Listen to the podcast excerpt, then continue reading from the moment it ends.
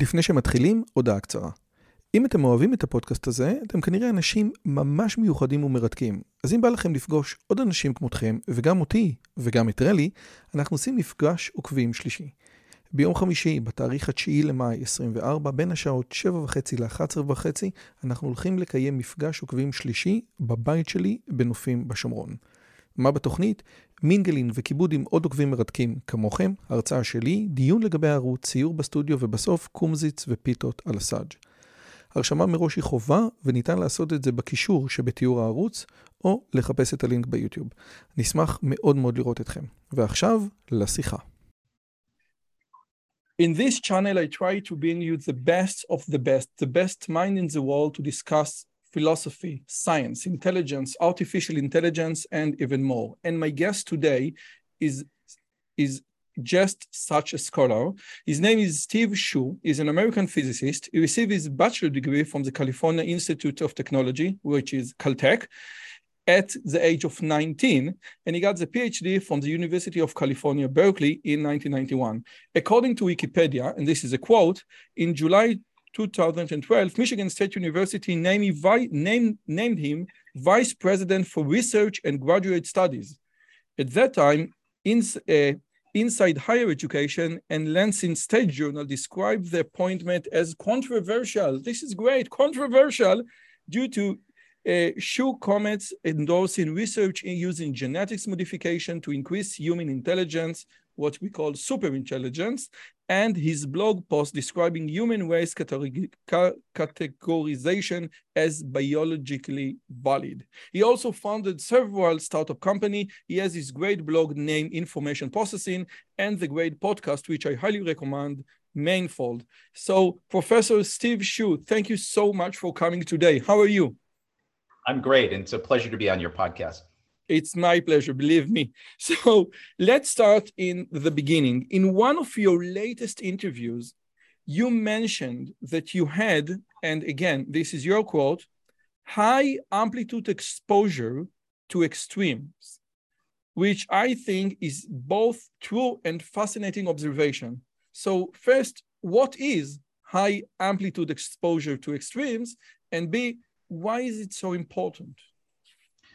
So if we specifically talk about cognitive ability, uh, I had some very formative experiences. So when I was growing up in Iowa, which is for your listeners, maybe you don't know where that is. That's the very middle of the U.S. and it's uh, famous for growing corn and soybeans. It's an agricultural state, and my it's father. Not in China. It. This is the most important thing. yes, not in China. No, it's, yes. a, it's the most American of American places. And uh, my father was a professor at the local state university there. And just by chance, our next door neighbors had a child who was the, the term that we used at the time was mentally retarded. And I think today maybe you would say he had an intellectual disability. And he and I were about the same age, actually. He maybe was a year older than I am, but basically the same age. And we played together almost every day, uh, both in our yards and also in the park, which was nearby our house. And so I knew him very well. And so I have a to some degree, I think more time, more insight into what it means to be on the far left tail of the intelligence distribution. So I have exposure to that in a very real way. And I want to say that his parents were very loving, they were very religious people, um, wonderful people, but they knew they had a burden because they always had to worry about my friend Mark, how he would take care of himself the rest of his life. Because when they went, he could easily be swindled out of money. He could easily, you know, drink too much and go to jail, which I think might have actually happened. But uh, anyway, he he was in for a tough life, and so they were aware of all that, and I could sense the kind of a sense of sadness. Like when, when I when I just saw them, I always felt maybe I, I could have been imagining this, but I don't think I was. That they realized that their son was going to have a very tough road, and they were older parents, so they were not going to be. They're gone now, and they they, they were aware of all this. That's one end of the distribution. The other end is super intelligent people like yourself, uh, but you know, even also people like Richard Feynman, top theoretical physicist, um, young prodigies who had performed, uh, you know, very well in the International Math Olympiad competitions, things like this. So I've kind of seen the whole spectrum. And in sport. So and in sport too, yes. yes. Sorry for uh, interrupting you, but I think that the, the sport is also very important in the context of our discussion.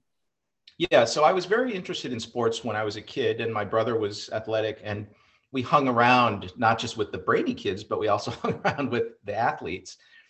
And I happened to be a competitive swimmer uh, from the age of about seven.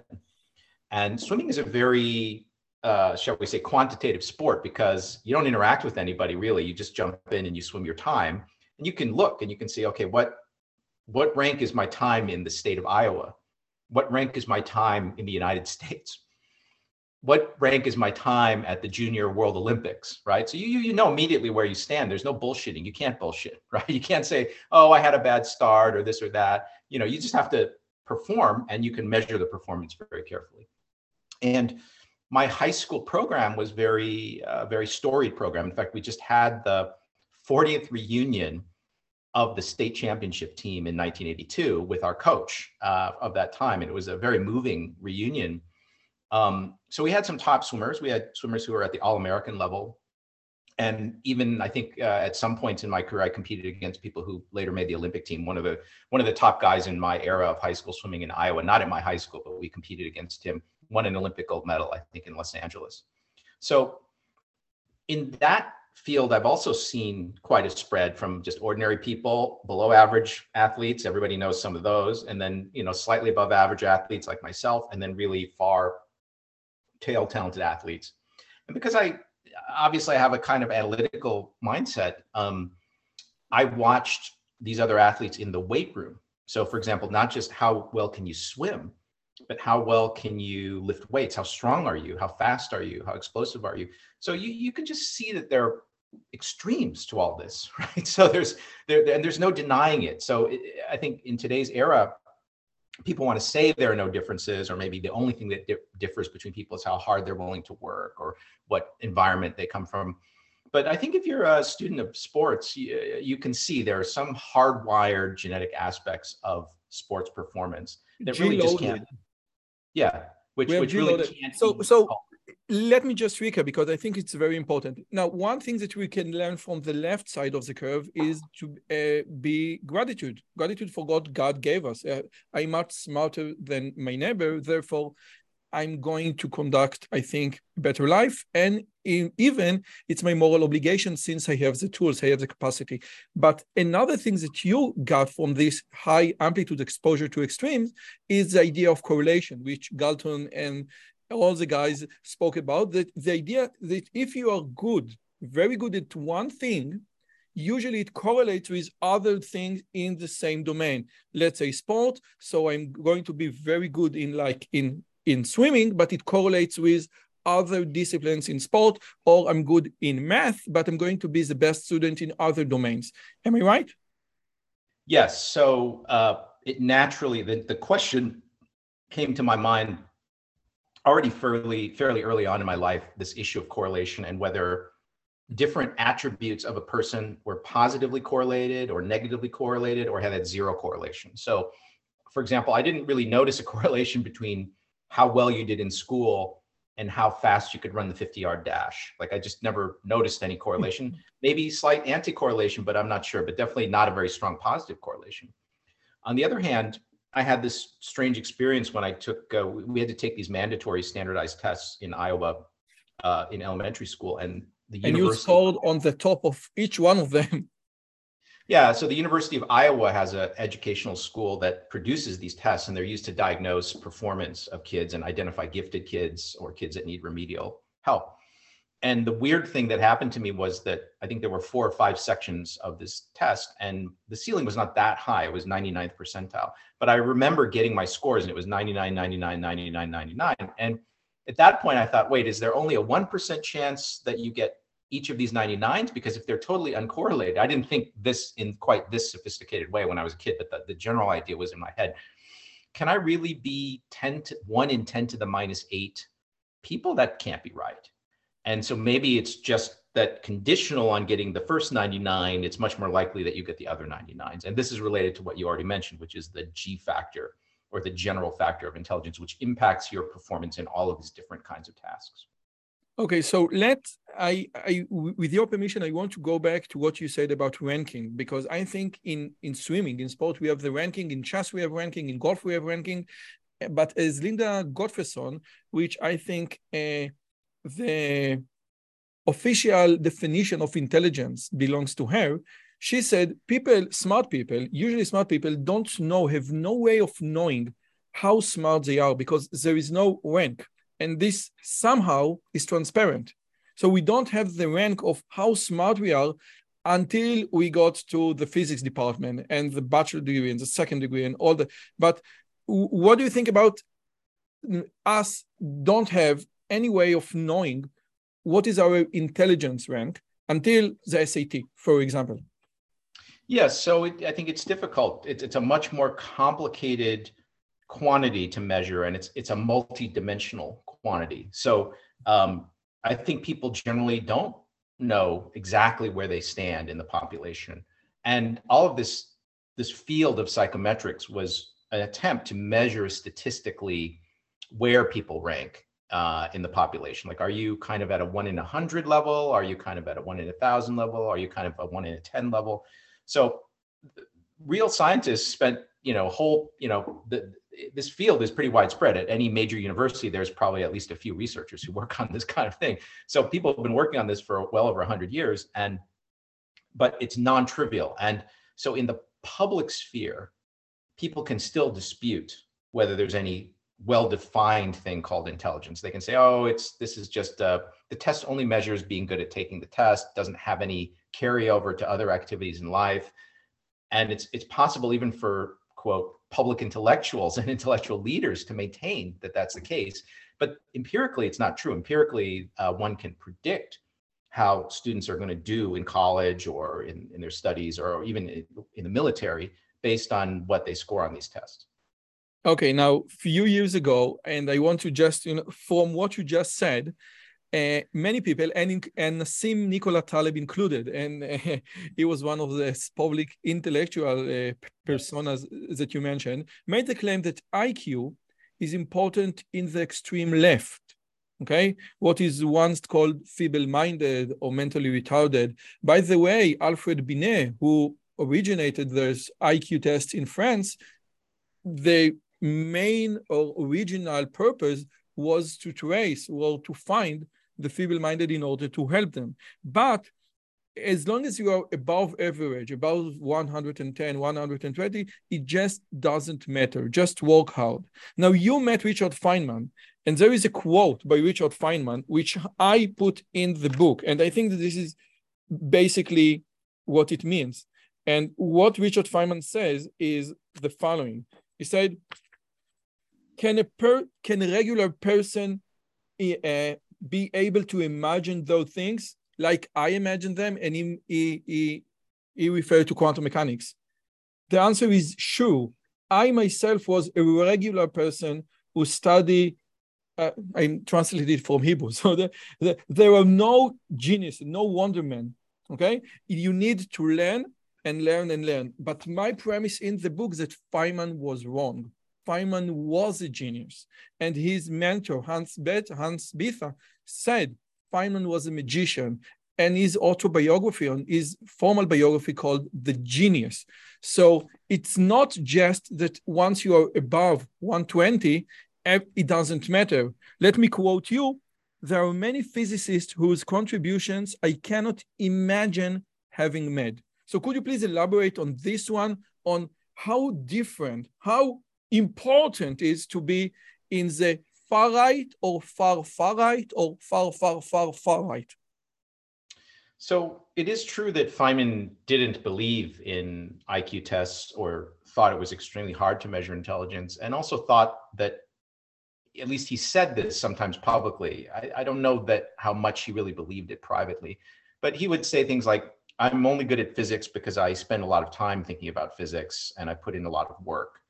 And so, in a way, he was uh, elaborating a model where it's all due to your hard work and effort, and zero due to any quote hardwired or genetic predisposition. And I think he was not an expert in this field of study, psychometrics or behavior genetics. The, the evidence suggests the opposite that uh, genes contribute a lot to your the ceiling level of your intellectual development. So so the evidence is against him. We can go into that. Um, when you talk about behavior in the far tail, so uh, there's there's plenty of evidence that suggests that being on the far right in your ability to score on these tests makes it much more likely that you are going to make a that you're capable of making a big contribution in science or some intellectually difficult discipline. And the, one of the best examples i can give of a study like this was by a, a psychologist at harvard named anne roe r-o-e which was done in the 50s and this was a time when things were not as quote politically correct as they are now so you can just go out and you could just go out and study things in a straightforward way this, so she this was after the termites this was after the term. Well, the termite study was a longitudinal study, so yes, it was running 30 years. Yeah, it was running probably while Ann Roe was doing her work, but uh, because I I've never heard about Ann Roe. So oh, please. let me tell you. Yeah, let me do, tell you about do, it. Do continue, please. Yeah. So Ann Roe was a psychologist, and she was interested in the the title of her book, and she wrote many papers, published papers in in academic journals, but there was also a book, and the title of the book was "The Making of a Scientist." So her specialty was not psychometrics. Her focus was not psychometrics. Her focus was the life histories of scientists. Like what makes someone a top scientist? Life experience. Yes. And so if you look at her book, only one chapter is about measurements of intelligence or cognitive ability. Everything else is about what was your childhood like? What was your dad like? What do you do in the morning? It was all these other things. But, How do you brush your teeth? Uh, yeah. The, but the interesting thing she did is that she selected something like 64 very prominent scientists who are typically in their 40s or 50s. So they'd already been, they already had really significant accomplishments.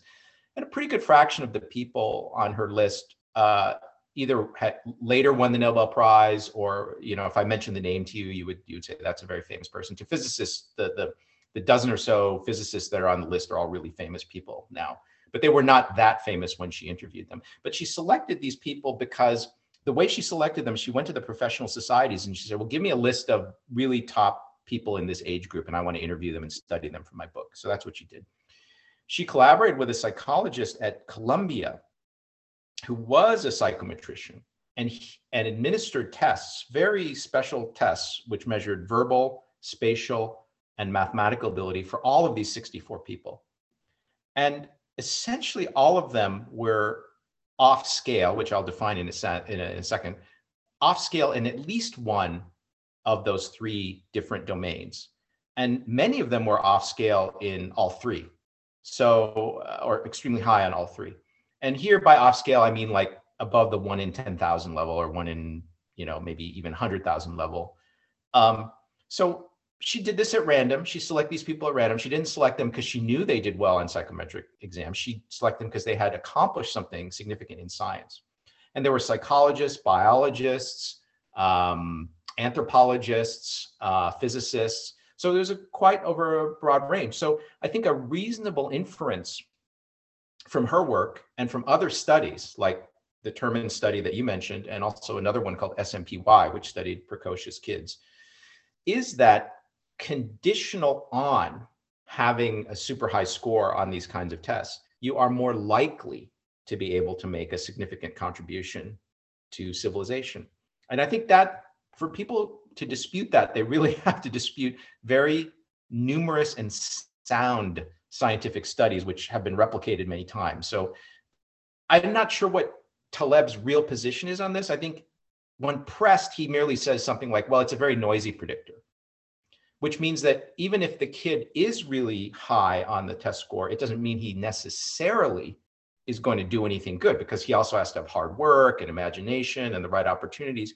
But the but the probability that he's going to do it is much higher than someone who scores low on the test. And I don't think Taleb has ever contradicted that more specific statement about the utility of these tests but of course, I have to admit I don't follow so I don't exactly know what he's no, saying. No, I think it was one with uh, I, I I don't remember his name, but uh, there was a big dispute over this again intelligent thing. But again, it, it's very it's very important that you mention conditional on those tests because many people say I, I don't know in a, in football, but you have like a, like many positions in football. We, we just know nothing about football. But many people say, okay, there is no correlation between your weight and being good at this position at football. But all those position players are above 120 kilograms. So many people can say, okay, once you are a, a physics, a physics professor, your IQ should be at least 140. Therefore, there is no correlation between your achievements and your IQ. But you say, no, even in the 140 and north and above and right, there is a major difference. One, one person with IQ of 160 can understand, can, can think in a way that, that, that is just impossible for one with 140 to think of. And let me just uh, quote from one of your articles Hans Bethe, the uh, Feynman uh, teacher, I always thought von Neumann brain indicated that he was from another species,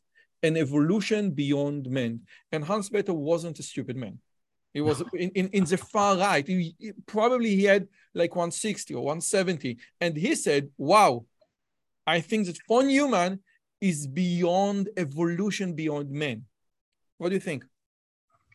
So uh, I, I, usually say John von Neumann, but I, I, I, bet maybe you're pronouncing it the right way. I don't know, but but uh, this guy was famously brilliant. He made important contributions to fundamental mathematics, physics, computer science.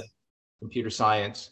So even the top people of his era, so Hans Bethe was a Nobel Prize winner in physics, and uh, even the people of his era all said this guy, this guy is way beyond us. And uh, in fact, they joked that he was a, maybe a Martian pretending to be a human, and that he, him talking to them was like uh, them talking to their children. So, so they I would make. I, I think that I read in one of your papers that you mentioned his name. Okay, I, I don't know if you said. I mean, this guy, and he just quoted like from uh, Charles Dickens, Two Cities, just the whole new cha- the, the whole first chapter. Am I correct? Yes, one of the unusual things about von Neumann that is recounted by many people who knew him, and he was a very famous public figure at the time in the, the 1950s. So, one of the things that was stated about him many times was that he had some kind of very unusual memory and also very unusual ability to calculate numbers in his head. And so they said, if you asked him, could you tell me what the first chapter of A Tale of Two Cities is? He could just start saying it was the best of times, it was the worst of times, and he would just give you, you know, and he could sometimes, I guess, had done this sometimes just looking at something once, and then he would close the book, and then they'd say, okay, can you recite it? And they would he would recite it. So, so he was very unusual in many respects, and also in his contributions to science and civilization. So. It's an example of somebody who people often use him as an example of somebody who's really, really, truly off scale I have to mention Marie Gell-Mann because maybe I pronounce his name uh, wrong, but regarding well, Murray Gell-Mann, yeah. Marie Gell, okay, okay, thank yeah. you so much. I'm, I'm, I'm sorry. Yeah. uh, it was like he knew more about, he knew more and more. He knew everything. Everything that there is to know, he knew and he knew more. Though so many people spoke about Marie Gell-Mann in a similar way to what people think. So again, if you are if you're a physicist, if you're a physicist and you have a 180, it means that you have capacity that you that you can understand the world in a much better, more complex way. This is basically the idea. So there, there is no limit to what can be achieved with intelligence. Yes, I, I think that's fair. Now, I, I, just want to caution the listener that when you give these numbers like 180 or 160 or 200, it's actually not true that the tests are very good. When you get into this far tail, the tests are not the greatest way to differentiate between ability. Because already when you have many people there. Already when you get to like one in 10,000 or one in 100,000 level, it, it's not clear the tests are really doing a great job in distinguishing talent at that level. But at least it's some indication that if somebody just blows away the test, there's some chance this guy really is off scale. So, but but in the middle, where you're talking about people between the first percentile and the 99th percentile or 99.9th percentile, probably the tests are actually reasonably good at kind of somewhat able to rank order people. Um, but with noise. I mean, obviously, you know, and, and when people take the test more than once, sometimes the score, you know, the score does fluctuate a little bit. So, um, but anyway, the, the, the more important point that you raised, which is that this no limit to intelligence, that there could be something like super intelligence or, you know, AGI, artificial general intelligence, which goes way beyond what humans today can do. I think that's clearly true. And, you know, one of the things we've learned I don't want to hijack the conversation, but one of the things we've learned from AI recently, large language models in which we try to uh, instantiate in the structure of the neural net, which is the AI, we try to instantiate the structure of human knowledge. It turns out that humans are only working with roughly a few thousand, maybe 10,000 different primitive concepts. So that, you know, uh, even though there, I might talk about something like a cougar, a cougar really conceptually is more like big mountain cat or big wild cat. And, and it's, it's, it's basically made out of more primitive concepts. People who are familiar with Chinese characters know this because to read, to start reading the newspaper as a kid, you only need a few thousand characters, and each character is itself a concept. So we know that the space in which humans are kind of trying to describe the world or make sense of the world, it's a very in one sense, very finite dimensional space. It's, it's, it's, we can almost characterize how many dimensions it has now. And the, the AIs are, when they're trained on human language, they naturally develop this kind of structure. So you could imagine, well, eventually we'll have computers that are able to operate in a million dimensional conceptual space or 10 million dimensional conceptual space. And they will, they will be able to talk amongst themselves about things which we cannot really understand. So it seems, it seems pretty clear that that's true. And I think that we know it from AlphaGo Zero, where where when you have like a very giant deep learning neural ne- neural network model, it can like bypass 2000 years of learning go and playing go and coming up with different alternative different strategies different solutions in just several days of of uh, training the system. So this, this is like what we can extract from AlphaGo Zero is that it's not just that it is better than human being, it got, it developed new strategies unknown to the people playing Go for the last 1,000 years. Yes, this is a very important point that you're making and something that really surprised the Go experts. So, um, people in the West don't aren't necessarily that familiar with Go, but it, it's been played for thousands of years and at a serious level. Where I, what I mean by serious level is that in Japan or Korea or China, there would be actual schools, academies, where people would come and study the game and in a scholarly way almost and compete to be the top player. So it's like chess, but some people would say it's deeper than chess. It's more complicated than chess in a certain sense, for sure. And it's even been studied much longer. It is much more complicated than chess. I think chess has one to a 10 to the 120, and Go have has 10 to the one hundred 190.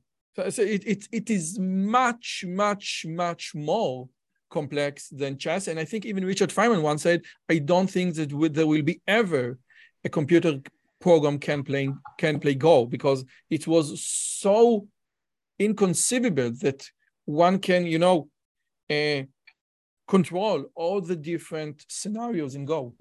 Yes, so you can see Feynman can occasionally be wrong as well. Um, the the interesting thing about Go is that it's been studied seriously for so long, and yet a number of beliefs that humans held at high confidence about whether in this situation one should make this move or whether this line of play could be successful turned out to be wrong. And and the and the computer actually invented entirely new ways to play go which humans had not imagined even after thousands of years. So it's an example of superior intelligence at work in a sense okay now i think that i read in early hunting human intelligence i don't sure but i think that i read there that if you have that you it usually it's very hard for you to discuss anything with any person that are more than two standard deviation below your IQ level. For example, if you are 130, if you try to speak with one with, with a person of 90, it will be very hard. So my question is, let's say that we have like those physics physics physics genius like Sheldon Cooper from uh, Big Bang Theory, and we know that uh, he, he cannot communicate. But on the other end, we have Terman, Lewis Terman and the termite. And he said, no, those people were absolutely fine in constructing social relationships. So what's your take on your ability or a genius guy ability to communicate with the normal people once you are very, very intelligent? Well, first of all, I think among highly capable people, and, and this guy von Neumann we were talking about before is an example of this, people sometimes suspected he was kind of simulating normal human behavior, that if he needed to deal with some generals or he needed to deal with his daughter or he needed to deal with the plumber, he could simulate. He knew he knew what he was supposed to say and he knew how he was supposed to say it, which vocabulary, what what's the right way to, you know, communicate well. Not all super intelligent people either want to do that or are capable of doing that. So they can't simulate normal human behavior, but but some people can.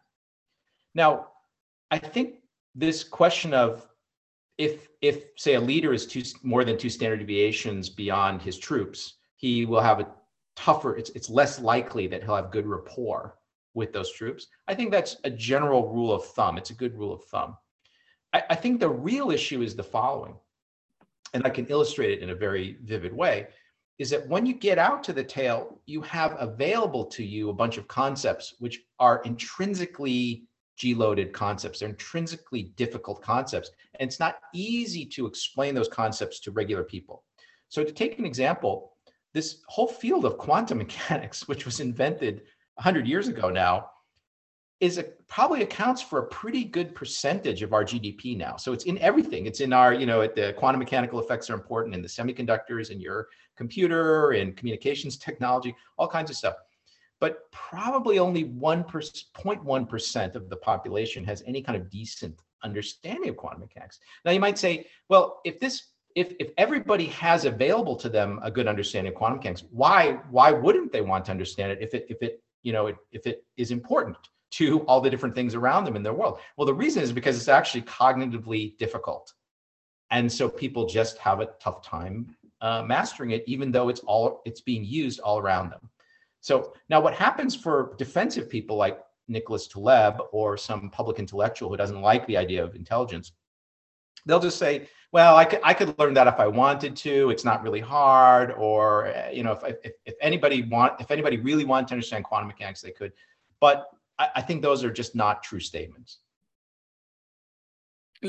So you, as a physics teacher, as a physics professor, I my point is that you cannot understand that some of your students cannot understand. You can because you you invested your whole life in this whole intelligent thing. But but we hear many many times, you know, from our math professors. How couldn't you understand it? This is so simple. This is yeah. trivial. This is, uh, yeah. it's just from here to here. What the big deal? And again, they cannot even imagine that something which is so obvious, so transparent, so smooth from A to B can be unreachable for, for the for the majority of the population? I, I think for a lot of, you know, high IQ people, it's it's tough to imagine what the world looks like uh, from people who are to, to ordinary people. I think that's true. And, and and again, Linda Gottfredson said, okay, you could find two pieces of information in a in a sport article. It is something that at least 10% of the population cannot do finding a, a, a, place on the map is something that 7% of the population can do. And people, and she teaches this in Harvard, and people say, no, you're kidding. You're kidding. I, I just don't believe you because people thinks of themselves as normal. I think that this is the main idea. People say, I, okay, I'm normal and I can do it. I many people don't consider them themselves geniuses yeah, I think it's easy for the elites to think, oh, everybody thinks like us, and they can't imagine what somebody on the other end of the distribution thinks. It was valuable for me to have this neighbor who had an intellectual disability because I, I could see that, you know, if you tried to reason with him about something, he wasn't necessarily going to appreciate it the way a, a normal kid would appreciate it. And and that sticks with you the rest of your life. You realize people cognitively are can be very different and approach things completely differently. Okay, now we are moving forward, and you think you said in all of your interviews that for many years, I think that I'm quoting you right, since uh, genetics, gen, geneticists, geneticists lacked the proper mathematical tools like multivariable analysis, we couldn't correlate intelligence with genes.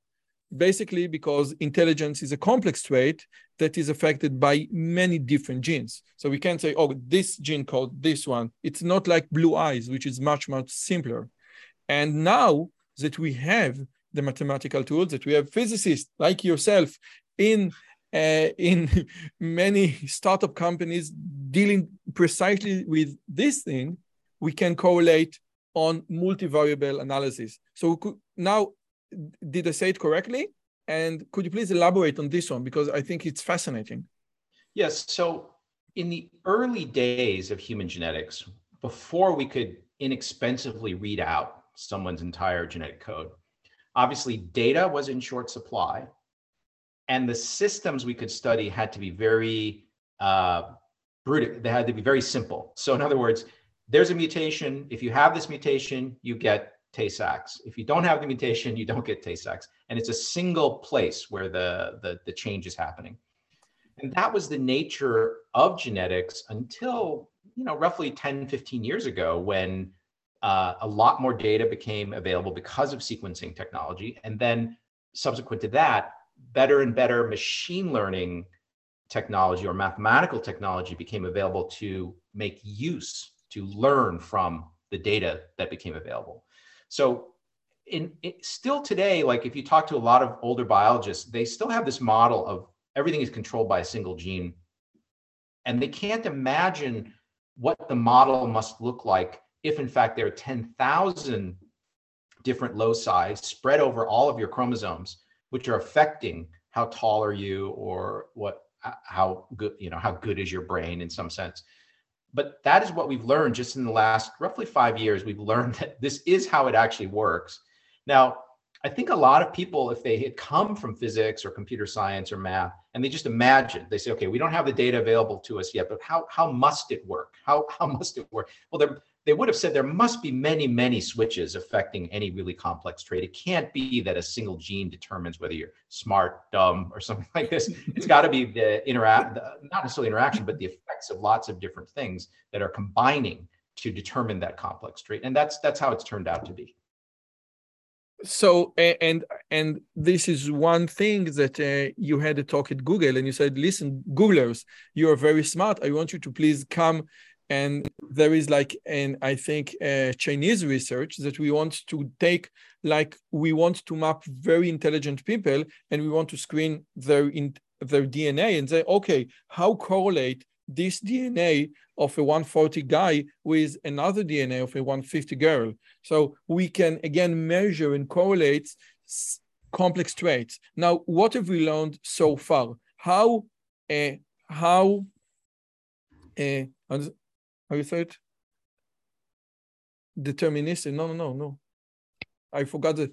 How genes affected F, are F, how intelligence is affected by genes and i think that you said in one of your papers that intelligence is correlated is affected by genes just like height yes this is a very massive statement just yeah. like height wow So let me say it this way there are very strong similarities between the genetic architecture of height and the genetic architecture of intelligence.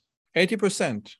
Yeah. So, so if you take two identical twins, so they have the same DNA, but you separate them and you raise them in two different families. Okay. Now, those families are different in subtle ways, but let's assume they're both good families. So they feed the kid enough food, they give the kid a chance to go to school, you know good families but it's, okay. it's not in it's not suburban india and beverly hills. It's right. no, right. No right. There's no, families. there's no severe deprivation involved. So let's suppose they're both good environments. In both cases what you'll find is the two twins if you now let them grow up so they're 30 years old and you measure them they might differ in height on average by a couple of centimeters.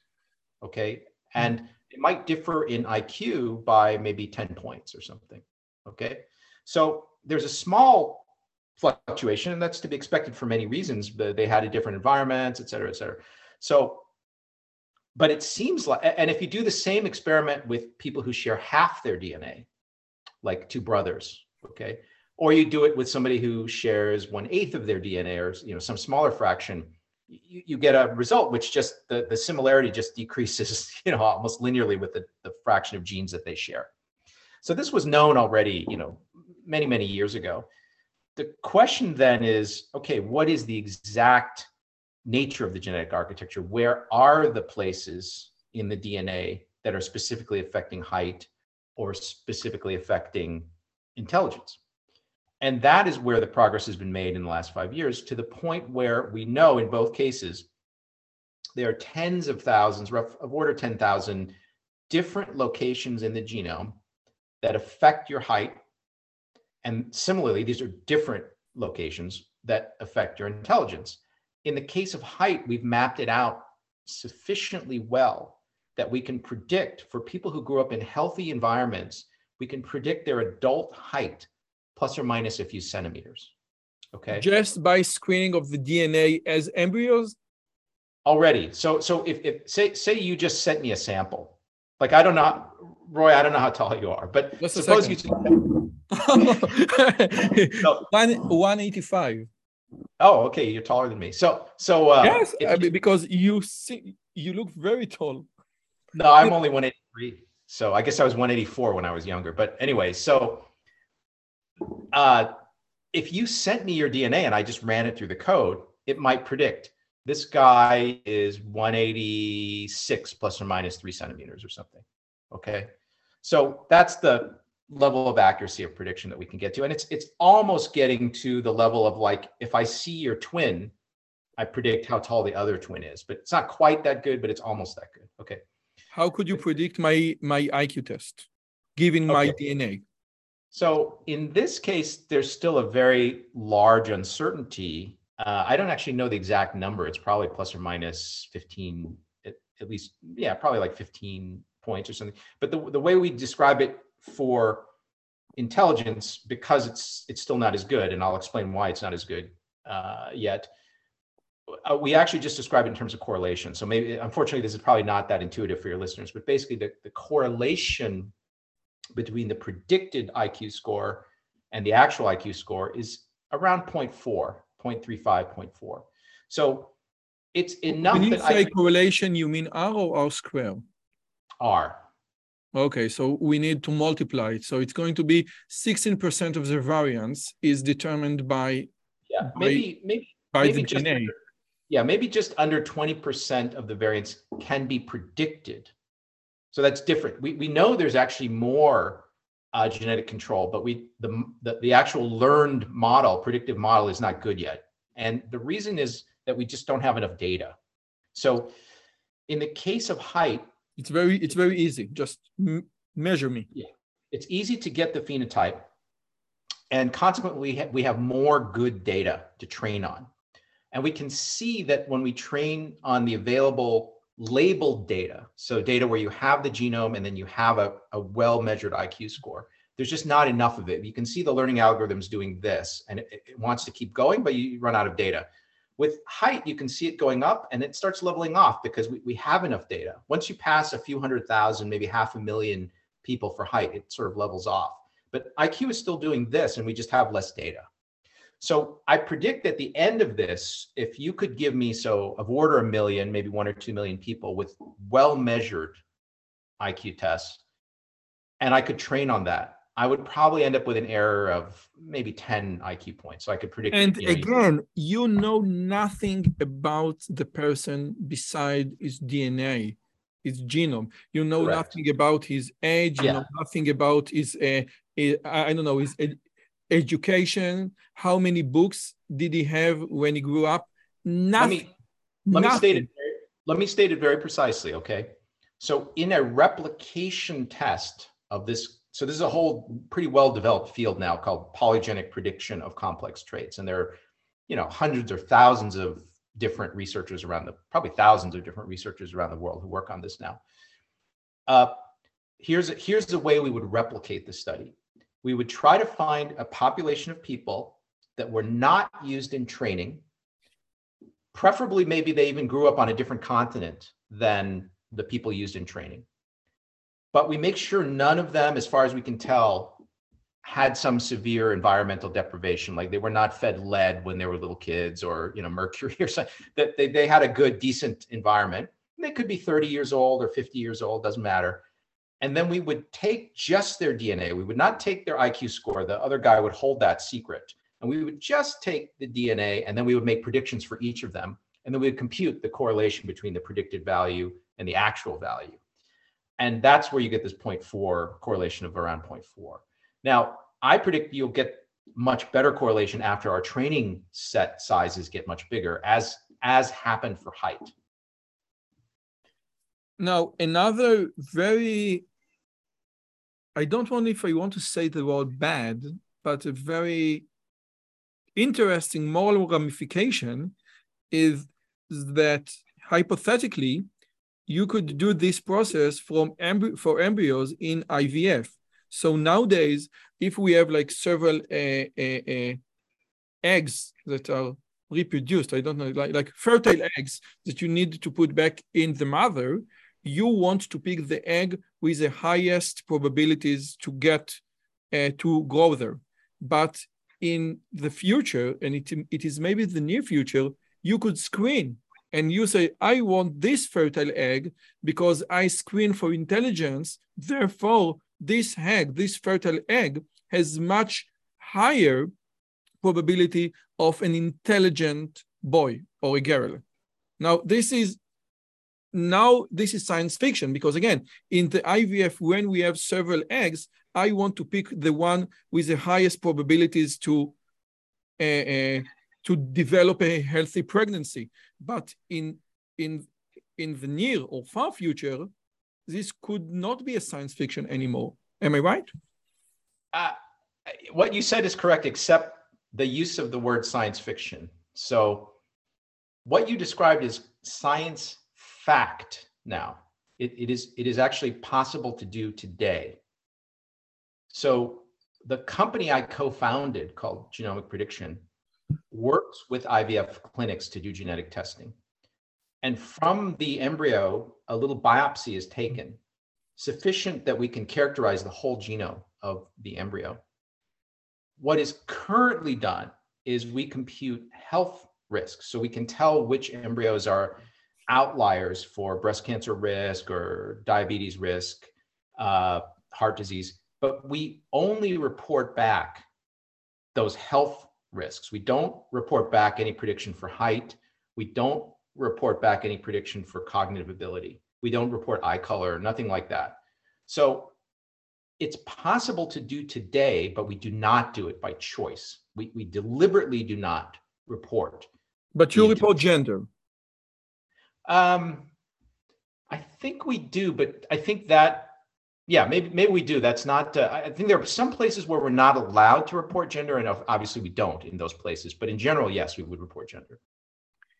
And again, but I had a talk after uh, uh, uh, after read what you just said about you know all this uh, about this company. I spoke with my friend who is a who is a doctor, and she said, but nowadays uh, you can screen for like health risks, but sometimes, but sometimes the most important factor is how well do I think as a doctor this fertile egg will be uh, will be transplanted again in the woman yeah. womb. I think Very that I'm saying it correctly because again, I, I am not familiar with the term. Yeah. So let me let me explain that. Okay. So the the kind of genetic testing that I'm describing where you get polygenic risk predictions for breast cancer or heart disease, that's the most advanced thing. And our company is the only one that can do it right now the more basic kind of genetic testing, with basic kind, but which is very widespread. So uh, maybe 100% in Israel. In the US, it's 60 or 70% of all IVF embryos are tested using this basic method. In the basic method, they're just checking to see is there some problem with the chromosome structure. So that's a much grosser, bigger problem than trying to trying to measure in detail the genetic polygenic risks. So, so that uh, problem uh, that that condition is called aneuploidy. Aneuploidy means you have an abnormal chromosome structure or number of chromosomes. Okay, so aneuploidy testing is super common and the same biopsy that you take for aneuploidy testing suffices, can be used by us to predict, to compute all these other scores. Okay. Now, it turns out aneuploidy is very important for whether the embryo will implant successfully I, so that you actually looking for. get a pregnancy. Aneuploid embryos generally will not implant successfully, or they'll implant and then you'll have a miscarriage or something. So for the number one KPI performance indicator for the clinic, which is is there is there a healthy pregnancy that ends up with a baby? This more primitive kind of aneuploidy testing is the most important thing. Now, it turns out, just a little plug for our company, because we get so much more information about the genome of each embryo, our aneuploidy prediction is much more accurate than our competitors, the existing methodology. And so clinics that use our technology, they end up with substantially higher pregnancy success rates because they're more accurately determining whether there's a problem with a given embryo and which one should be implanted. So, so, but that, that is the most important thing today in IVF is is trying to get a successful pregnancy, successful implantation. Oh, thank you so much. So now I know what she was talking about, and now I know what you're talking about. And this is basically, again, this is how uh, how fine or how uh, accurate you want to be. And this is great. But you just gave me a method to construct, to build, to replicate, to make super intelligent babies. Just make a lot of IVF, a lot of embryos, and just screen out for the one with three standard deviation because, once in a while you will get something like this four standard deviation, five standard deviation, which leads to an article that you wrote six years, no, eight years ago, super intelligent humans are coming. So again, why don't we do it? Or maybe in China, they're already doing it. Well, I think at the moment, nobody's doing it. Um, already one could start to do things like this. Okay. And one, here's an interesting fact, which I only learned myself relatively recently, but it is a little bit shocking to me. So, some of the people that we work with, families that are doing IVF, uh, are using donor eggs. So that means the maybe the wife is past the point where she's producing viable eggs, and they need to get the eggs from a donor. And oftentimes the donor is much younger. It's like she could be like a 20 year old college student or something. And when you, the hormonal stimulation that you use in IVF to cause the, the egg to increase egg production, when that's done on a young, healthy woman, sometimes they get 60 or 100 eggs in one shot. Okay. So these high net worth people, super high net worth people, could select their embryo possibly from 100 if, if they wanted. And now the main limitation then is the quality of the prediction. So if we got the correlation up from 0.3 or 0.4 up to 0.6 or more, then obviously they, they could tell with much better accuracy which ones are the, you know, better are the positive outliers for whatever trait they're talking about. In this case, it's we're talking hypothetically about intelligence, although I want to say again, we don't do this. But if someone had 100 eggs, sorry, 100 embryos, and they had a somewhat better predictor, which is entirely possible technologically, it's just a matter of getting the data. And you need to choose just one or two. Yeah, say you choose two or three, and uh, out of 100, yeah, you could get a substantial gain.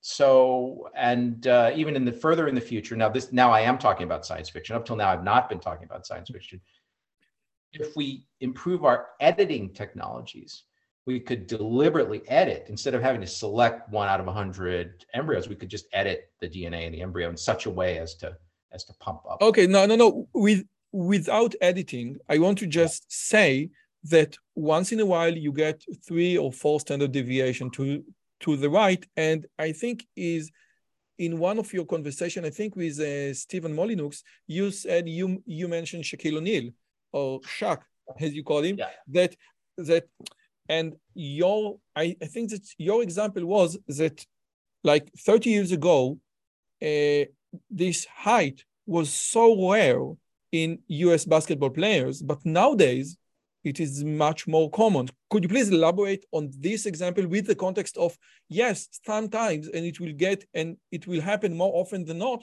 we will get four standard deviation. Yeah, so I think what's, what's unique about Shaquille O'Neal is not just his height. So he's just over seven feet tall, but it's that his body proportions are more like an athletic person of normal height of to say six feet tall. So so what's weird about him is that unlike I don't know if you're a big basketball fan, but like Kareem Abdul-Jabbar or Patrick Ewing or those guys were very skinny, tall people. Shaq looked like uh, he could play football, but he was seven feet tall. Okay, or he could play rugby, but he was seven feet tall, and so they could not guard him so if he were trying to make moves near the basket, no, basket, nobody could stop him from making his moves because he was just so physically explosive and strong and and just enormous. So that is still rare in the NBA. There's actually nobody in the NBA uh, quite like Shaq even today. However, the point is that if one were selecting for those kinds of traits, one could eventually increase drastically the number of people in the population or the fraction of the population that has those capabilities. And it's entirely possible. So you, instead of one von Neumann in the in the mid 20th century, you, you you know you could have a uh, thousand of them walking around working. And if you don't believe me, look at that. Look at those chickens. yes. And those so, chickens. So, so again, uh, for our podcast viewers, uh, please watch YouTube. But in 1957, the average chicken, uh, laying egg chicken, uh, weighed uh, 905 grams. In 78, the average chicken laid uh, weight 1800 grams and in 2005 the average chicken god mercy their soul uh, uh, 4200 grams so again now, if wanna, you screen say, yes i want to say that that picture comes from a scientific paper uh, written by scientists who study agricultural breeding of animals. And for this paper, they raised these chickens in exactly the same environment, gave them the exact same food, and they're exactly the same age. But they come from different breeds, different genetic strains of chicken.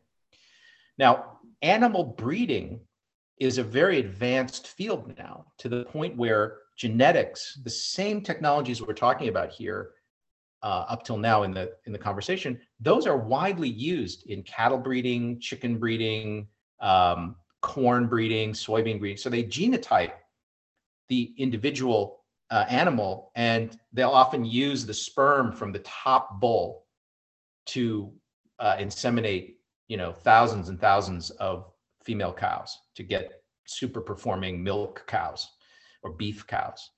So we know that the range of possibilities is huge, that you can take that skinny looking chicken and make it into the Shaquille O'Neal chicken by just changing the genetic structure. And if you look at the mathematics of it, intelligence is the same and height, human height is the same. So probably you could have a group of people where all the males in that group are look like Shaq and you could or even taller. And and you could have a group where everybody's like an einstein uh, and you know that would be just phenomenal. It would be unimaginable for normal humans to think about. Which leads me and please uh, don't get insulted to one one article that you mentioned in Twitter inside the IQ trap. How the study of genetics could transform education. And there is a great book, G's for Genes. By the way, Robert Plomin is going to be here in two days but he's going to discuss his new book. Now, the study of genes, says Phil Ball, the study of genes which affect intelligence could revolutionize education, but haunted by the aspect of eugenics, the science risk being lost in a political battle. And I would say, Uh, with all due with all due respect, Steve, that you contribute many to these flames because when we have this polygenics factor, when we can screen for intelligence, when we can, when, when you say to me, listen, the things that you just mentioned, this is not science fiction. This is true, valid science in a in a registered company in the US. You get, you understand why people are so afraid, why people are so intimidated from the word eugenics after after the Holocaust. And you could, and this is, I think, explained in some degree the scandal of University of, of Michigan when people said, yes, but Steve Hsu is a, is a bad man. He's not a bad man, and he's talking valid science, but there is valid science as a very massive, have massive moral implications that we just, th- th- that your answer right now is, yes, but we don't do it. We can do it, but we don't do it. Yeah. So that's a huge... I'm sorry if if if I uh, put a burden on you, but I think that this is a very important question to address. No. Yeah. Let, let's spend some time talking about it. So, first of all, the reason we don't uh, allow selection and don't report prediction of these more con- controversial traits like intelligence is because of this controversy, and we want society to discuss these things, to understand the science, and then come to a conclusion about what's acceptable, what's not acceptable for an IVF clinic to do.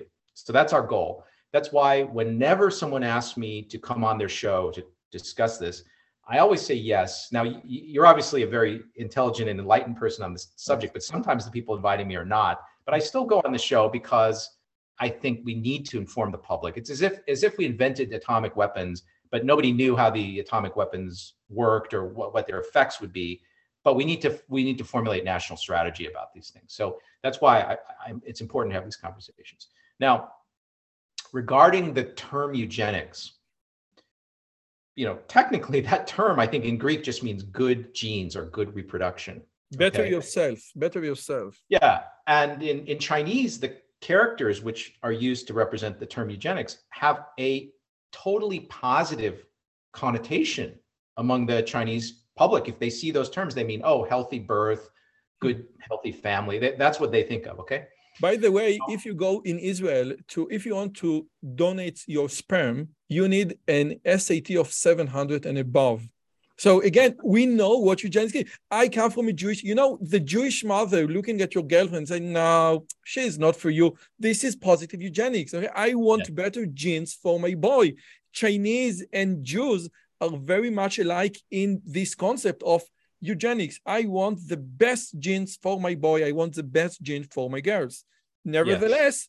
we had Auschwitz and we have concentration camps. So what can we yeah. do with eugenic as a good as a good concept, but having very bad history. Yeah, so I, I want to elaborate on this, and I, am glad to be talking to an Israeli. Actually, you're not the first Israeli I've discussed this with. Uh, there's a very famous statistical geneticist named Shai Carmi at Hebrew University, and I suggest you interview him. He's also a former physicist, actually. So um, I want to say this. Uh, obviously, the Holocaust it, it, it's a it's a singular event, and I, have never said this publicly, but when I was growing up as a kid, I read many many books about the Holocaust. I was almost like a Holocaust scholar in the sense that I read everything about it, and it affected me deeply because I was growing up as an Asian American, so I was a little bit of an outsider, even though I, I grew up in a very nice town with wonderful people. But I always felt like, wow, if, if the Germans could do this to this minority group that had lived with them for so long, it, it could happen to me. And so it affected me a lot. I've, I've thought uh, long and hard about the Holocaust and how terrible it was and hope it never, nothing like that ever happens again. Now, that's a different kind of eugenics where you say to somebody, I don't like your genes, and I'm going to do something to you against your will because of your genes. And I am totally against that. Obviously, I'm totally against that. That's a little bit different from the family has 10 embryos. They're going to use one and maybe donate the rest to science. I might as well help them select the one which furthers their goals. Okay. Maybe that can be healthy or have a good life. Now, here's the danger, the slippery slope. And, and again, to anybody who's my critic, I want to emphasize I'm fully aware of this slippery slope. Once you start judging people by their DNA, because we are choosing, we're ranking one of those embryos above the other nine. Once you start that, there's a danger that you are dehumanizing people based on their DNA. I understand that. use the word better. This embryo or hmm. these genes are better than these genes. Yes. This is the word. You you you must use the word better in order to rank. Yes. Now, I think in this one situation where it's it's it's an aspect of IVF that you tend to overproduce embryos, and it's within the family, and they were going to not use the other nine anyway. I feel like ethically, if you study it carefully, it's it's not wrong. Now, my experience with my neighbor growing up allows me to realize that somebody who isn't maybe intellectually gifted is still a real human being, still has feelings, is still important, needs to be respected, needs to have full human rights.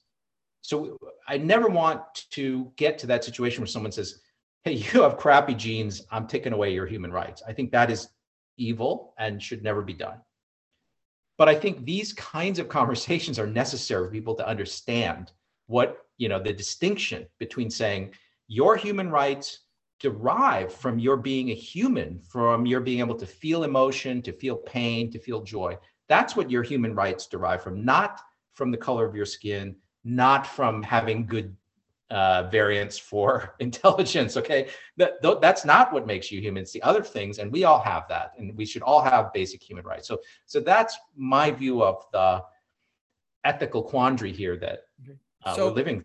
Yeah, let go ahead. Me, let me tackle you or uh, basically the the word I'm usually uh, using is attacked, but you know, attacked is a very powerful word in American English. So I I want to attack two things that that you just mentioned.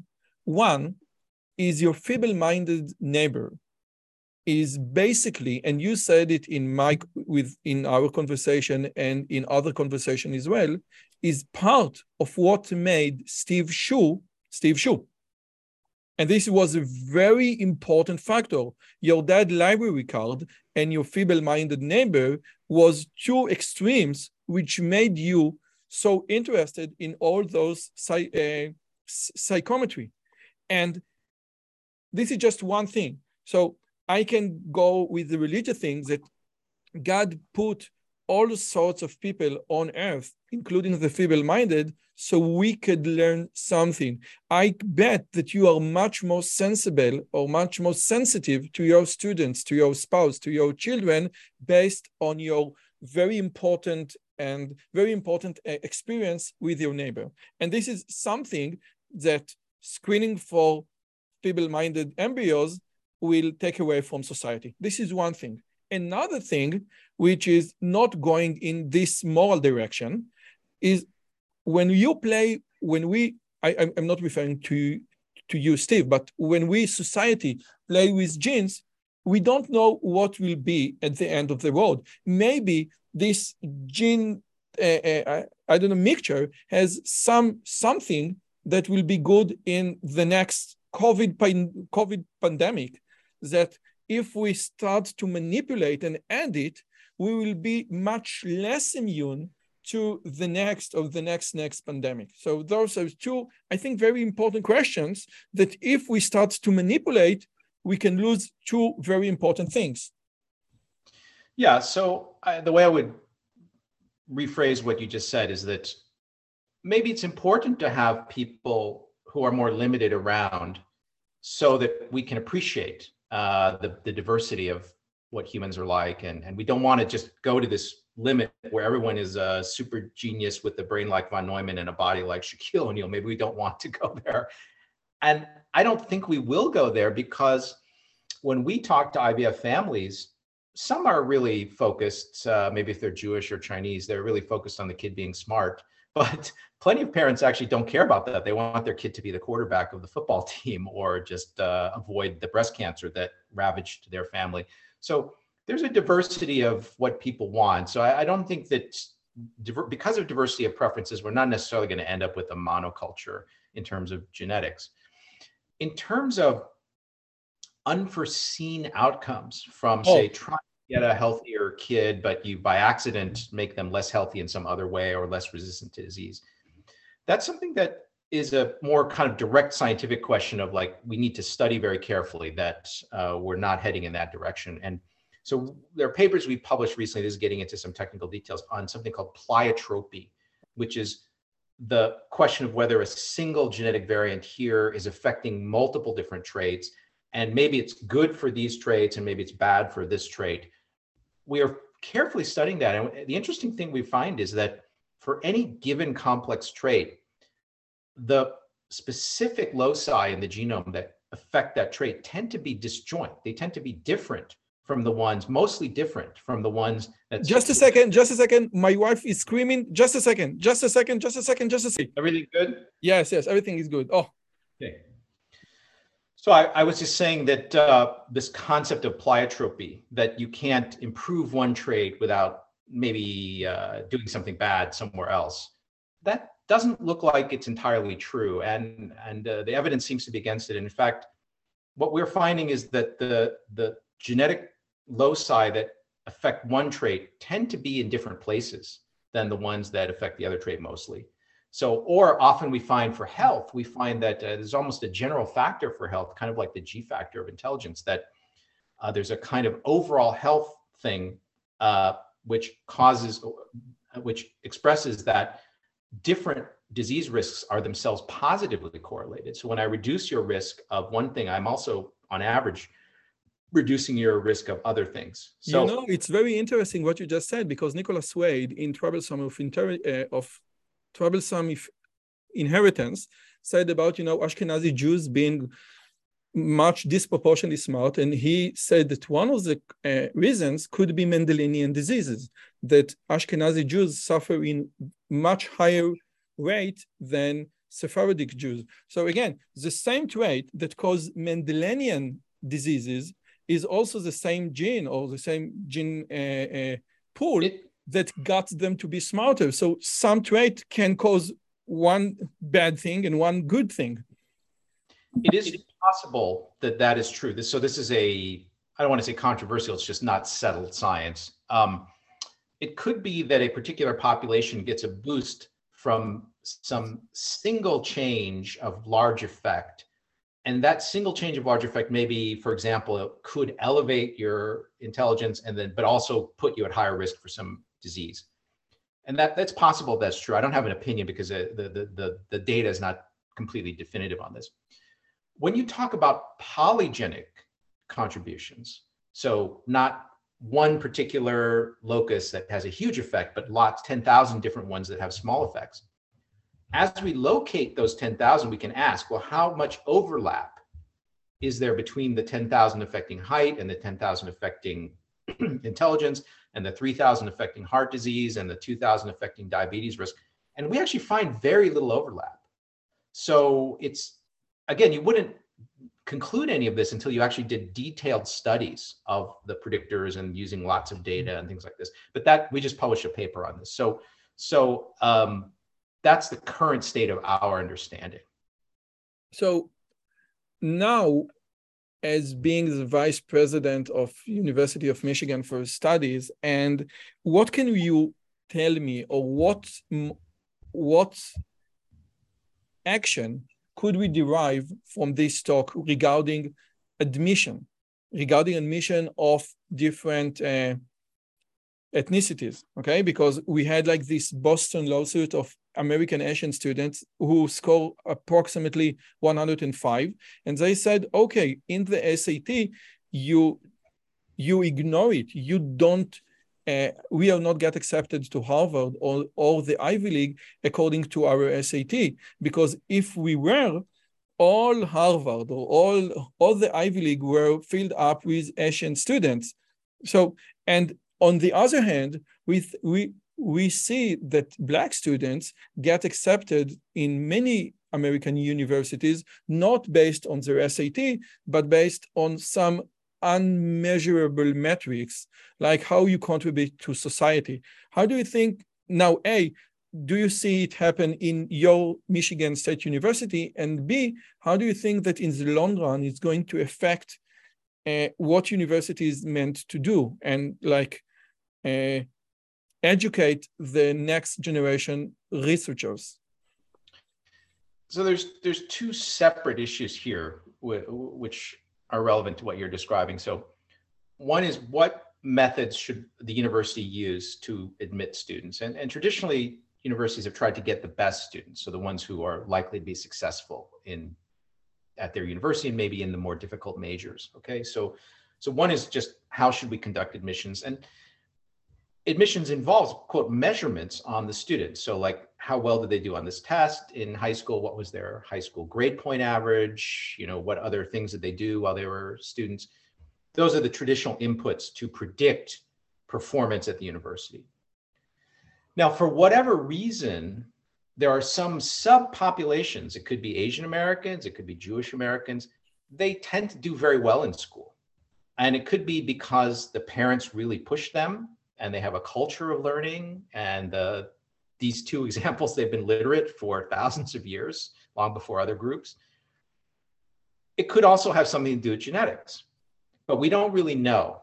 And the second thing that I was going to mention is genetics of group differences. So, in other words, could it be that one population defined as Sicilians is, for genetic reasons, shorter than another group of people defined as Swedes? Okay, that's a group difference. And it could be because the height elevating alleles are less, little bit less common in the Sicilians and a little bit more common among the Swedes. So it's, it's a possibility.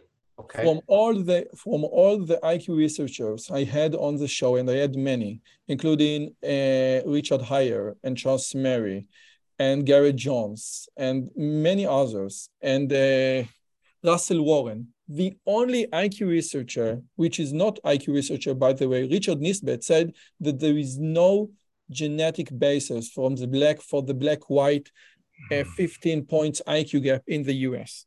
No, yeah. he was just the only one. And he said, I have never conducted an IQ test for anyone. So he's not basically he's not an IQ researcher and he claimed it for himself. Yeah. I'm not an IQ researcher. No one beside him, no one says that there is no part of genetic basis for this gap. Yeah, let me let me say it this way because this is a very controversial topic and you have to speak very carefully about it. So at the testing level, there are different outcomes. So in other words, average, you know, Asian American kid might score higher on the SAT than the average white kid or the average uh, Hispanic kid or black kid the causality of that is what's in question. So no, no one who is serious is disputing that these score differences or even grade point average differences exist typically within schools. Now there could be some school where it's reversed or for some reason things are just different.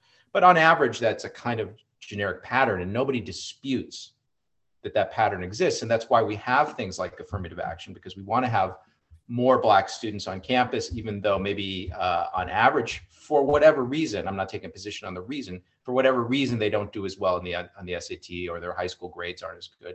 Maybe just because of for economic reasons or environmental reasons. Now, the question of what is the cause is the tricky one. Is it due to, like this example I gave you, that people in Sicily might not have quite as many uh, var- genetic variants that make you taller as people in Sweden? Because the, the genetic, the, sorry, the diff, the observed difference in height between Southern Europe and Northern Europe is about one population standard deviation. It I is... can swallow this explanation since height is not that important feature in Western modern society. But I cannot yeah. swallow this explanation, although I think it is right, since intelligence is one of the most, if not the most important factor in modern Western society. Therefore, I don't care about height. Who cares? but I care about intelligence. This is why this is so inflammatory.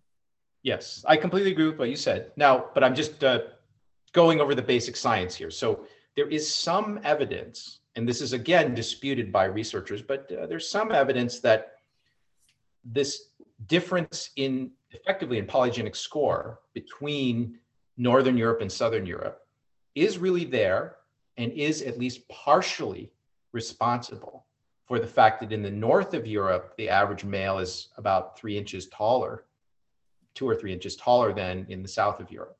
Okay, so it's that's an observed group difference. There are at least some researchers who say it's partially caused by genetic differences, inherited differences. And furthermore, the evolutionary studies suspect uh, suggest that difference arose in only five, 10,000 years. Okay. But because of some difference in the, you know, some environmental factor caused selected more for height or against height in, in these different regions. Okay. So that's the, the thing we can talk about without losing our, without steam coming out of our heads or people attacking us on the internet. Okay. If I change the word height to intelligence, then suddenly the whole discussion is off limits. The only respectable thing you can say is that there's no way measured differences between populations could be due to genetics. As a scientist, you notice several times in our discussion, I said, I don't know the answer because the evidence is not strong enough for me to come to any strong conclusion. So it, it should be, at least among scientists, a completely respectable position to say, I don't know. I don't know the answer. We need to do more studies. We need much better data. And in particular, if it's a very inflammatory hypothesis, we really need to be careful. We don't just want to speculate about let, stuff. Like, let like, me tell like, you a uh, story. Let me tell you a story that Garrett Jones told me about James Flynn. James Flynn, you know, the originator of the Flynn effect. And James Flynn, before he died, wanted to conduct a very big study to prove for once and for all that the IQ gap, the black white IQ gap, is due to environmental uh, causes only. And he was looking for scholars in the US to participate in this giant fund, giant grant that he was applying for. And he found none that agreed to participate. And he, he said that the reason he didn't find any in the US is all the scholars he wanted to cooperate with were afraid deep inside their heart that you know that this grant that this research will will find that there is also a genetic component to this gap and they didn't want to take part on this. So he said this is why i think none of the us researchers wants to cooperate with me this is a very interesting story, and Gary Jones told me this story. So I think as a sociological observation about scientists in the US, it seems accurate to me.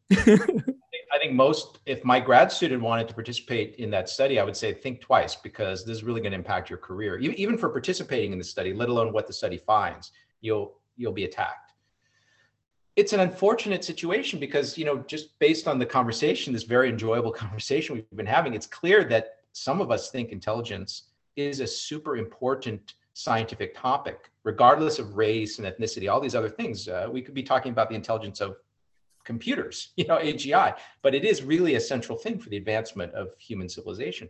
So it's too bad that we can't study this. I understand that some people just say it's even immoral to think about studying these things. I don't necessarily agree with that. Um, I do think that let, let's just say hypothetically, let me give you a hypothetical. Let's suppose there's a population that has much higher rates of breast cancer than everybody else. And let's say we really want to fix this problem because it's really devastating. A lot of the women in this population die very young when they're still mothers and young mothers, and we just don't want this to happen anymore. And suppose I say, well, we need to understand this. We need to understand how, what is the genetics of that's causing this.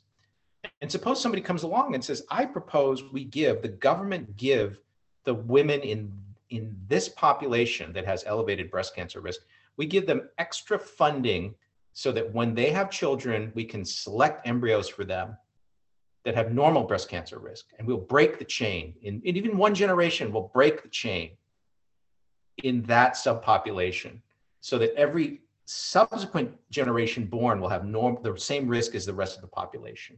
for breast cancer. Who would criticize that? Who would say this is the wrong thing to do? Okay. Wow, now, this is a very Gedanken. This is a very interesting Gedanken experiment. This is a yes. very wow. I've never thought who, about it. Who would say don't do that? Who would say don't do the research necessary so that you can implement this program. Who would say that? No one would. Everyone would say, of course. They might say, oh, I have a higher priority. We should fix the drinking water problem first, or we, we have a bigger problem with climate. We need to solve for. They might say it's lower on the list of priorities for society, but they would never say this is the wrong thing to do or it's a bad, in absolute sense, bad use of societal resources.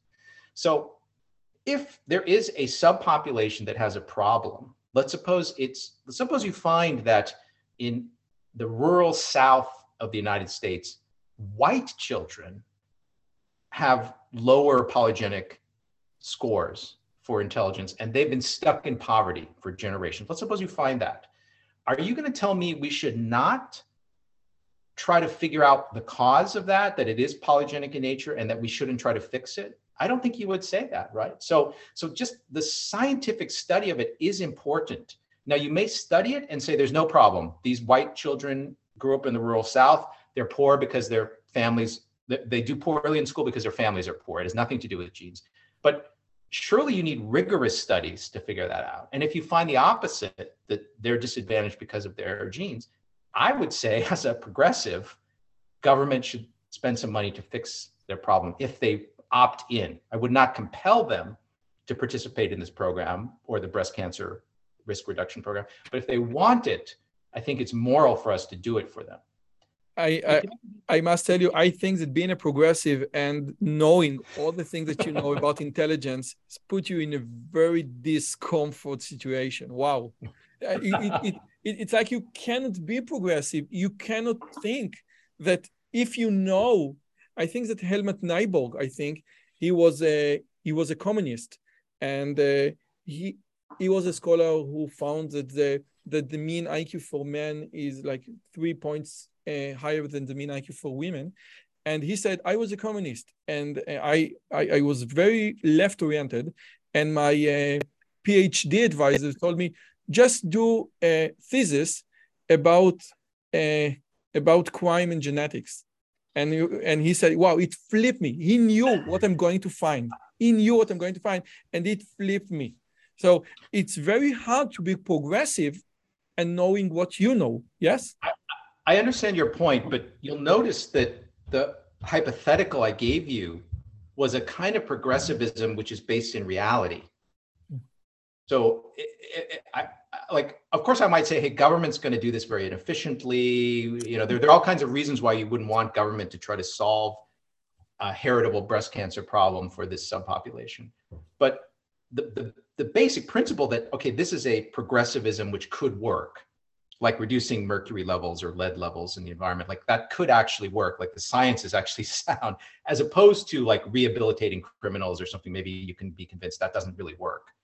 Um, this is one that you could be convinced, even if you're very strongly uh, believe in heritability of intelligence and stuff like that, you could believe it could work and then maybe you could support it. Because the ultimate goals of helping people who need help i don't think that's a left right distinction. It's just really how confident are you that government could do this? How confident are you that uh, we could be effective in doing it? Those those are separate questions i think. Let me give you another trajectory that you can go. Let's say that you you have either two options. It's either genes or culture and many people say that what Jews and American Asian has is the culture of learning, the culture. Now, my my daughter is, is watching like K-pop, many K-pop, and and there is like many YouTube videos. Now, American women and Asian Korean women. Okay, you just study for 18 hours straight. So it's very it, it's it's a different culture that make learning and education something of very high importance. And what you think will be achievable, will be solvable in 10 years. How can we solve culture problem? How can we change culture? Or how can we manipulate genes? It seems that if it is all about genes, our uh, our ability to modify, to change, to add it to cure gene diseases is much more than our ability to modify the culture of the black community in the US, which is something that we cannot, we don't know how even how to start thinking of. So it might be even better to think, yes, it is genes, therefore it is solvable because we don't know how to solve culture problems.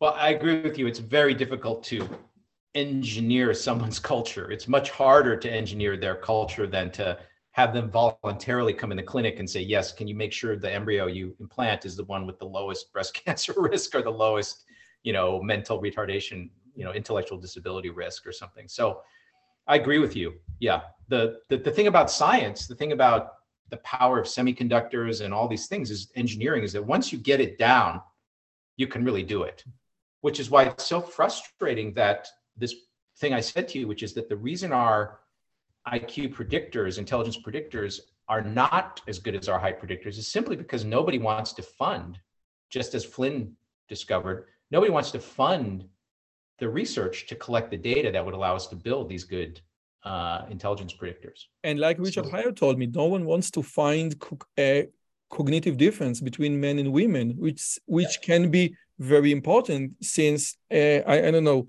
Alzheimer is developed differently for men and women since since they, they their brain is different. And like I wrote in the last chapter of my book, The Dark Side of Intelligence, you know, explaining eugenics and everything, if you take God out of the equation, so there is no way but to rank, say, okay, this one is better, therefore I can take I take this embryo. And but if but if you put God back in the equation, you say, okay, your value as a human being is transcendental, is more than what you can give to society. And I think that it is not by chance that all eugenic movements were secular by nature. Because if you take God of out, out of the equation, there is nothing transcendental to compare. And there are much, much more contributing people and, uh, and much less contributing people. And again, the first people to get killed in the Nazi concentration camps were the feeble German, the, the German feeble-minded. So again, this is one, this is my two dime for this intelligence uh, research idea. What do you think?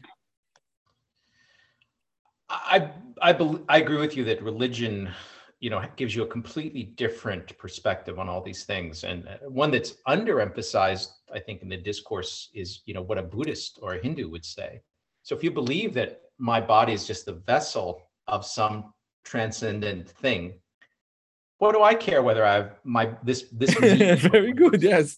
I, i'm going to have an infinite number of lives right and be cycled through. So why get so upset about it? Why you know why? So and I don't discount those things. So like scientists who say they're sure, they're sure there's no God or there's nothing beyond what we can see and measure in our laboratories. I think they're they have a kind of hubris which is not completely warranted either. So I respect all of those perspectives. Um, and again, this slippery slope that we talked about, this this you know too much emphasis on the mechanical. I'm a I'm a molecular machine. I want to have the best molecular machine. That molecular machine is a little bit defective. Let's just get rid of it that's a slippery slope, right? So that definitely and, and we have to fight that. We have to retain our humanistic values, even as we try to understand the rules of our universe and the rules of our biology. Steve Hsu, thank you so much for this conversation. It just blew my mind. Uh, like with all of my guests, I what I would like to ask you two questions. One, could you name a book that you read in the last five to ten years that really change your mind about change your perspective about the world. Just one book that changed your perspective. I'll give one that really changed my perspective a lot and i interviewed this guy and you should interview him too. His name is greg clark.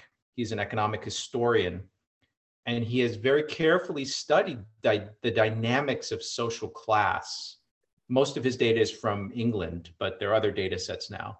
And what's interesting is that if you read these novels by jane austen uh, yeah. Oh, uh, is that him? No, no, that that's a different Gregory. This is a more famous Gregory Clark. The one that uh, okay. I mentioned is the this... professor. Now, maybe type in uh, Clark UC Davis. He's a professor at UC Davis. UC. U, U, UC. Yeah. Ah, UC, UC. Okay, okay. You know, Gregory Clark. Oh, this one. Okay. So for pe- people are fascinated by class and how some families become high status and others are stuck at low status. And he spent a lot of time looking empirically at this data and found really surprising results about the persistence of class over time that families that were high status in the society hundreds of years ago tend to still be high status today and if you read these novels my, my i don't read them but my wife does and my daughter does. And so i'm forced to watch movies about based on jane austen uh, stories. And if you look at the in, exquisite attention to matchmaking like who marries whom and uh, the class relationships and who has the right character and potential. Maybe this is done in jewish families too. Um, that plays a big role in the persistence of class over time. And one of the things clark kind of predicted. When you when you when you look at his empirical data and you say how could this be? How could class be this persistent? And if you do some calculations in using uh, uh, genetics a theory of from genetics you realize wow there has to be a high degree of what is called assortative mating. So men who are above average have to consistently marry women who are above average and kind of a little bit vice versa in order to keep these things stable. So there was an implicit prediction in his empirical results, which suggested there had to be a high degree of assortative mating at a genetic level in order for his results to be consistent with what we know about genetics. And so many years later, 10 years on from when he wrote his first papers on this subject, the UK Biobank actually allowed us to calculate the degree of assortation among British people in their marriage. And it's unbelievably high. The geneticists were all blown away. I was a skeptic of Greg Clark's work. I said, like this can't be right because it requires assortivity of 0.6 or 0.7 or something. That's exactly what we measured when we calculated it in the UK Biobank. So he made a very non-trivial empirical observation, which then implied certain things about human behavior at a genetic level. And then those were later verified. So I think as a matter of deep history, someone who really And he has a book. He has a specific book. Multiple books on yeah, but the, the best thing is probably this recent he there's a recent paper and the book is not yet out on this. Um, but I, I, can send you a link for your show notes on this. Yes, and I will definitely call him because I think it what uh, originated uh, Francis Galton. Uh, you know, Heredity of Genius. You know, like like the class of how the class preserved throughout history of big, notable British uh, families. I don't want to throw Clark under the bus to the woke people, but in some sense, Clark is an intellectual descendant of Galton because he's carrying forward Galton's question and doing it in a very systematic, you know, using big data way that Galton couldn't do it. Galton could only look at particular anecdotal stories of specific families like the Darwins or something. But Clark is doing this at a cross-sectional level with hundreds of thousands of people, and uh, it, he's getting basically results like Galton's results. So uh, it's it's super important if you want to understand how society works. Now this is great, and with the last question, and I promise, this entire discussion is just a hobby of yours. Okay, you're a theoretical physicist in a completely different field, which leads me to my last question about productivity, because you maintain a full tenure professorship at the physics department, which we know which that has the highest IQ scholars among all university departments. And this entire conversation and this entire startup companies is just a hobby. So please give me like one productivity tips, one productivity tip that enable you to achieve such a tremendous goal or many tremendous goals. You know, I, this isn't a very good tip because, unfortunately, as in as in keeping with the theme of our conversation, this this trait might be a little bit hardwired. Um, it might be something just about me, but I really enjoy thinking. So, and von Neumann used to say this, and other people used to say this, Einstein as well. All these people, not that I'm putting myself in their category, but but the habit of liking to think things through uh, permeates my life. So one thing I do often is I take walks. I take long walks where I get away from everything and I'm just thinking and I'm reviewing like I might be thinking about physics for 30 minutes and I might be thinking about genomics or I might be thinking about how did Roy pull off that mentalist trick? I just can't figure it But and, but and during this walk, do you take notes or just no, I don't. I, am actually just thinking in my head. One of the things I found, uh, this is interesting. When I was a kid, my father was a professor of aerospace engineering. And I used to say to my mom, how come dad is so absent minded? Or he, you know, sometimes he's, he's not paying attention when we're talking to him. And I thought, oh, this is just how he is. This is just how he is as a person. Now, when I was growing up, I was never absent minded and I was very socially engaged and I love talking to people. But my own kids now will say, what's with dad? Dad can be a little spacey what happens is when you get to the habit of thinking, you get to the point where you can productively work through ideas in your head and do it all the time. So if you get really good at chess, you can probably imagine and analyze chess positions all the time or come up with new mentalist tricks all the time. And to your kids, it looks like you're a space monster. But really, what it is, is you're a normal person, but you've developed this internal capability so that you can be productive even when you're sitting in a chair or walking in the woods, you can actually kind of do something productive. And that that's been useful, very useful for me. Wow. This was great. Steve Hsu, thank you so much for your time. Again, you were one of the first person or the first scholars I wanted on my show. And finally, after three years, I got you. And this was one hell of a conversation. Thank you so much for your time. Thank you it's, so much. It's been, a, it's been a pleasure. And I, I actually want to uh, point out, if your audience hasn't noticed already, that you are deeply, deeply read into the literature of all this stuff. So you you you know what you're talking about. So your audience is very lucky. Yeah, thank you. I, I just, by the way, I, you know, I wanted to write a book about artificial intelligence, and this is a true story. And then I said, okay, but artificial intelligence try to emulate like human intelligence. So I need to write a chapter about human intelligence. And I knew nothing. I knew that there is an IQ, but no one knows this IQ in Israel but we have uh, uh, a, a, the SAT.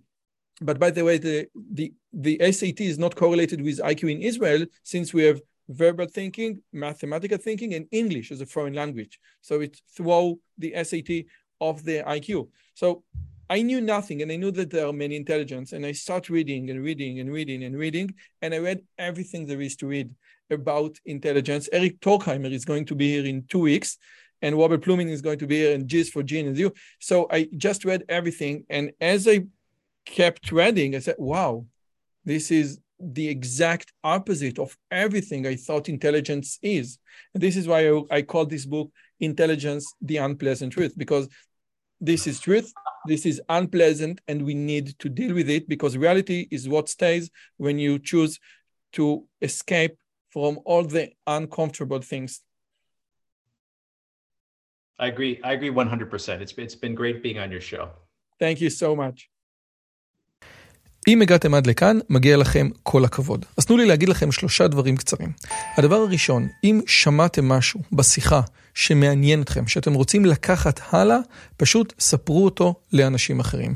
משהו מעניין שאני אמרתי, משהו מעניין שהאורח שלי אמר, איזשהו רעיון שאתם רוצים לקחת איתכם לחיים, פשוט ספרו אותו לחבר או לחברה. זאת הדרך הטובה ביותר לזכור את הרעיונות מתוך השיחות האלה. הדבר השני, אם אתם רוצים לקחת חלק בקהילה שלנו ולפגוש ולדבר עם אנשים כמוכם, אתם מוזמנים לערוץ הטלגרם שלנו, שווה לכם מאוד. פשוט תראו עוד אנשים שמתעניינים מדברים מגניבים בדיוק כמוכם. והדבר האחרון, אם אתם יכולים, דרגו את הערוץ שלנו באפליקציית הפודקאסטים שלכם, זה יכול להיות בספוטיפיי, באפל פודקאסט או בגוגל פודקאסט, זה תהליך קצר של שתי שניות, הוא מאוד מאוד יעזור לנו להפיץ את הבשורה הלאה. שיהיה לכם כיף גדול וכיף בשיחה הבאה.